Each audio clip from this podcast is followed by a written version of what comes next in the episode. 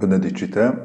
Niezmordowanie kontynuujemy e, lekturę e, kolejnych apoftegmatów, czyli krótkich opowieści, sentencji, mądrości e, z życia ojców pustyni, czyli pierwszych mnichów, którzy wyszli na pustynię egipską pomiędzy IV a VI wiekiem.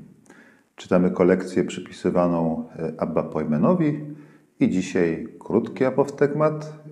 Pojmen lubił krótkie apoftegmaty.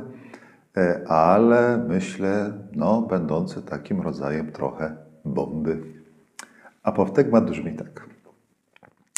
Mówił także Abba Pojmen, że choćby człowiek zdołał stworzyć nowe niebo i nową ziemię, nie osiągnie beztroski. Ojcowie bardzo często nawiązują do e, tego wątku, e, że człowiek próbuje zająć miejsce Pana Boga.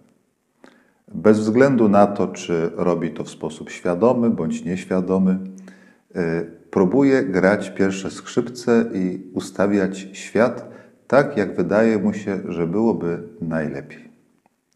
Stąd ta aluzja mm, do księgi biblijnej, do księgi proroka Izajasza, w której Bóg mówi: Oto ja stwarzam nowe niebiosa i nową ziemię. I w proroctwie Izajasza jest to zapowiedzią zbawienia w pierwszym sensie powrotu y, Izraela z niewoli babilońskiej, no a w sensie chrześcijańskim, tym głębszym, y, jest to zapowiedź zbawienia dokonanego przez y, mękę, śmierć i zmartwychwstanie Jezusa Chrystusa. Nowe stworzenie, nowy świat. Pojmen czyni trochę złośliwą aluzję do różnych ludzkich wysiłków, kiedy próbujemy ustawić życie po swojemu i nie liczymy się z Panem Bogiem. Może nawet nie do końca to, że z Panem Bogiem się nie liczymy, ale próbujemy ustawić sobie życie tak, jak gdyby go nie było. E, zapominamy o tajemnicy Bożej opatrzności, ciągle coś próbujemy organizować, poprawiać, ciągle jesteśmy niezadowoleni, e, ciągle szukamy rozwiązań idealnych.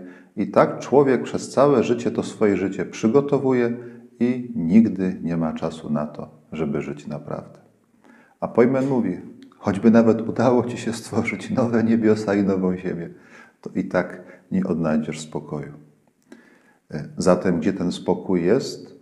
E, no spokój, człowiek, beztroskę, czyli właśnie to wyciszenie, człowiek odnajdzie tylko wtedy, jeśli zaakceptuje rzeczywistość z całą paletą jej barw, trudności, problemów, ale również nauczy dostrzegać się też piękno, szanse, które świat, w którym człowiek żyje, mu daje.